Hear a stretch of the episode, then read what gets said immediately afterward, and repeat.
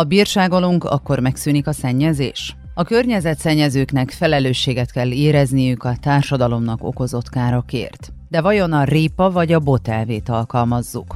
Noha az éghajlatváltozás és a környezeti károk elleni küzdelem a természetes folyamat részét képezik, az ezzel járó következmények jelentős problémát képeznek a társadalom számára. Ezek egyike a méltányosság kérdése. Vajon a társadalom egészének fizetnie kell azért, hogy eltüntesse a nagy szennyezők által okozott mocskot? Azokét, akik legtöbbször jelentős hasznot húznak környezetszennyező tevékenységükből? A szennyező fizet elv azt sugalja, hogy a környezetkárosításért felelős személynek legyen az gyár, agrárüzem, vállalkozás vagy magánszemély, Fedeznie kell azokat a költségeket, amelyekkel valamelyes csökkenthető a környezetszennyező tevékenységük okozta kár. Legyen szó akár arról a vízszolgáltató vállalatról, amely a szennyvizet a tengerbe önti, arról a közúti fuvarozó cégről, amelyben a tehergépjárművek dízel meghajtásúak, arról a gyárról, amely széndiokszidot bocsát a levegőbe, vagy arról az üzletemberről, aki ragaszkodik ahhoz, hogy repülővel érkezzen a megbeszélésekre. Az Euronet Plus rádióállomás hálózat úgy döntött, hogy utána jár, vajon a szennyező fizet elvnek van-e létjogosultsága. De nézzük először azt, hogy mindez hogyan működik. Kihívásnak számít az, hogy számszerűsíteni kell az adott gyakorlat által okozott kár mértékét és intenzitását, hogy megfelelő arányos adót lehessen alkalmazni. Ilyenek a széndiokszid árképzési mechanizmusok, például a széndiokszid adók vagy a széndiokszid kibocsátási határértékek és kereskedelem rendszerei.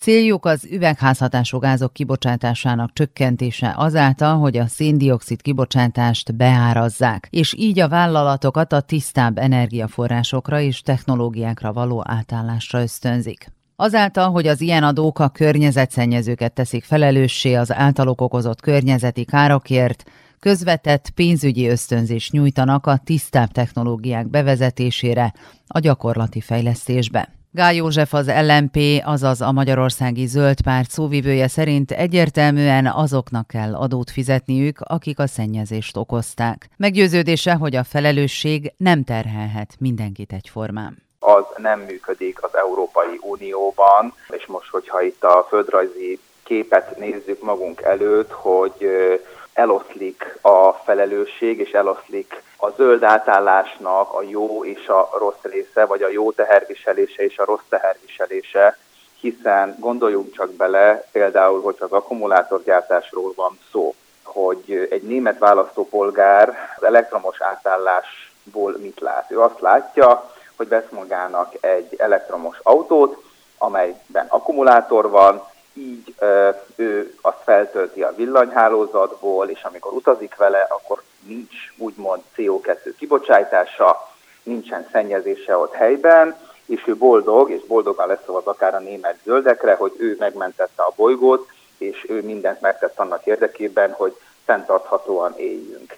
Ugyanebben az időben viszont a debreceni, a Mikepércsi, a Komáromi, a Gödi, az Ácsi lakos, vagy az Iváncsai lakos meg azt látja, hogy amíg a német úgymond középosztály elektromos autókkal tisztán tud autózni, addig az ő kertje végében ott van egy nagy akkumulátorgyár, amely ezekben a német és francia autókba gyártja az akkumulátorokat, és szennyezi a termőföldet, elfogyasztja az ivóvizet, és termőföldre épült, és még ez se lenne elég, az a cég, amely odaépítette az akkumulátorgyárat, az, a profitot azt nem a magyar költségvetésbe fizeti be, hanem kiviszi Kínába, kiviszi Dél-Koreába, vagy hogyha autógyáról beszélünk, akkor kiviszi Franciaországba, vagy kiviszi Németországba, és teljesen egyenlőtlenül oszlik el, úgymond a zöld átállásnak a terhe ma az Európai Unióban. Szerintünk ez egy nagyon rossz irány, és ez egy elhibázott irány. Kollégáink közül többen a gazdákat szólaltatták meg. A mezőgazdaság jelenleg heves viták színtere, miután az Európai Unió nemrégiben úgy döntött, hogy engedélyezi a glifozát, egy rendkívül ellentmondásos növényvédőszer további használatát.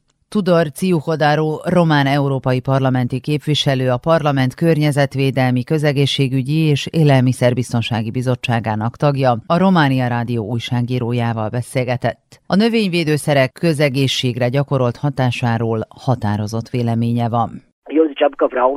Kijelenthetem, hogy zéró toleranciát követelnek azokkal szemben, akik növényvédőszerekkel mérgeznek bennünket. Nem úszhatják meg, hogy rákkeltő anyagok kerülnek a tányérunkra, a vízünkbe és az élelmiszerekbe. Az egészségügyi bizottság jelentése szerint nem szabad megengedni, hogy ilyen helyzetek ismét előforduljanak. Maria Grazia Mamuccini mezőgazdasági vállalkozó, a Feder Bio nevű szövetség elnöke, amely a teljes biogazdálkodási ellátási lánc szervezeteit tömöríti, e zöld iparág védelme és népszerűsítése érdekében. Úgy véli, hogy a szennyező fizet koncepció mindenképpen releváns a mezőgazdaságban. Ez minden bizonyal olyan elv, amelyet gyakorlatban is meg kell valósítani a közös célok elérése érdekében. Nyilvánvalóan arányban kell lennie a tevékenység indokoltságával és a módozatok visszahatásával is. Azért mondom ezt, mert köztudottan a mezőgazdaságban a természettel van dolgunk, de megoldási mechanizmusokat, sőt még a termelési ciklus sem teljesen a gazdák irányítják. Nagyon gyakran a gazdák által helyesen végzett tevékenységek, mint például a növények védelmére használt vegyszerek, mégis szennyezik a környezetet. Meggyőződésem, hogy a termelési költségek csökkentése által keletkező esetleges környezetszennyezés semmiképp sem lehet szándékos, hiszen ez a termesztés technológia gazdaságosságának a függvénye. Ezért az erre irányuló elvet ennek tükrében kell alkalmazni, ami alól természetesen a mezőgazdaság sem kivétel. Però il principio è giusto anche per quanto riguarda l'agricoltura. De mint mondja, Olaszországban hatalmas méretű az ellentmondás és a bürokrácia, ami gyakran azt jelenti, hogy azok, akik nem szennyeznek, nagyobb akadályokkal szembesülnek, mint maguk a szennyezők. A gazdák közül többen felemelték a hangjukat a Brüsszel által bevezetett változások kapcsán. Ezen gazdák egyike Marius Kaktis, a Litván Gazdaszövetség alelnöke, aki szerint az egyre környezetbarátabb megoldások megkövetelésével még nagyobb nyomás nehezedik az amúgy is nehéz helyzet helyzetben lévő gazdákra, és végül sok gazdaságot juttat koldúsbotra.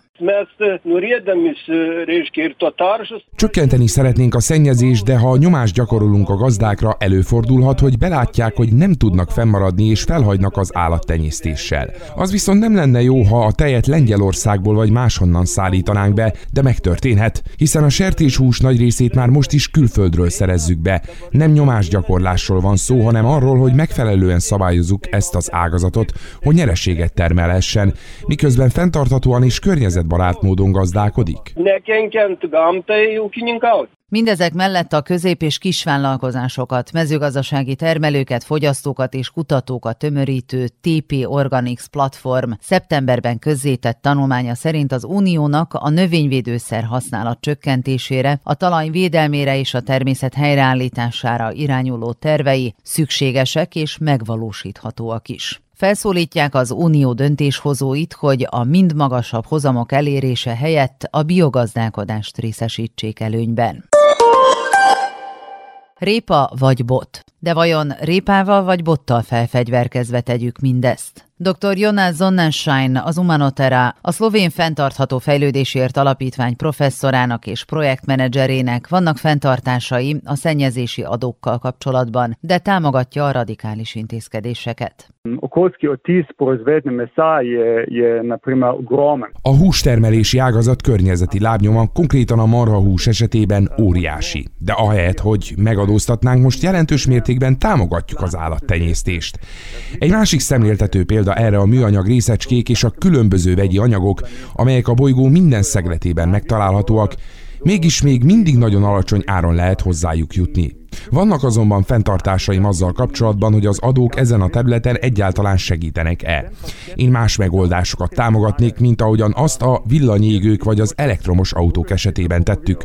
Szigorú szabályozásokra vagy akár tilalmakra van szükségünk. A világítás most sem rosszabb, mint korábban, az elektromos autók sem rosszabbak.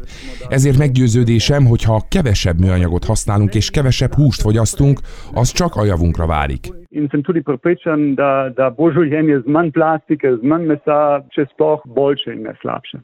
Marion Schulz német informatikai vállalkozó pozitívabb megközelítést támogat. Vielleicht ist hier ein komplettes Umdenken notwendig. Talán itt a teljes újragondolás lenne a célra vezető. Miért ne jutalmaznánk azokat a vállalkozásokat, amelyek elkötelezettséget mutatnak a környezetvédelem iránt, amelyek külön intézkedéseket dolgoznak ki, és adott esetben átállítják a vállalatukat, vagy olyan új termékeket fejlesztenek ki, amelyek valójában óvják a környezetet, és nem csak áll átállásoknak minősíthetők. Und nicht nur als Pseudo-Umstellung gelten können.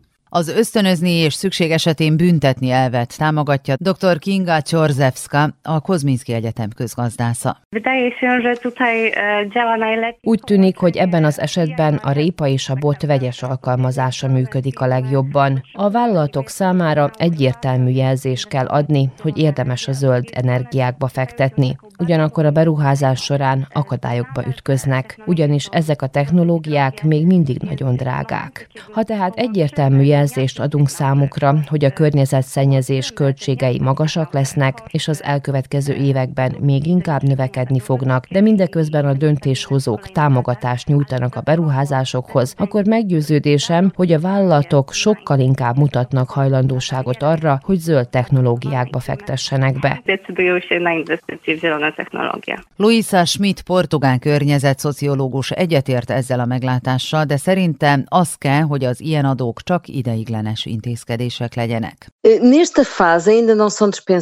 Ebben a szakaszban továbbra is szükség van rájuk, sőt meg kell őket erősíteni, ki kell bővíteni őket. Miért? Azért, hogy később egyáltalán ne legyen rájuk szükség. Ha elrettentő hatásúnak tűnnek, csökkenhet a szennyezés mértéke. Ez nagyszerű lenne. De most még mindig büntetni kell a kibocsátásokat, a víz- és levegőszennyezést, amelyek egyre inkább kihatással vannak a biológiai sokféleségre, a természetvédelemre és a portugál emberek egészségére. Tehát még mindig nem tartunk ott, hogy lemondhatunk ezekről az adókról, amelyek végső soron az erőforrások javításához járulnak hozzá, mondta.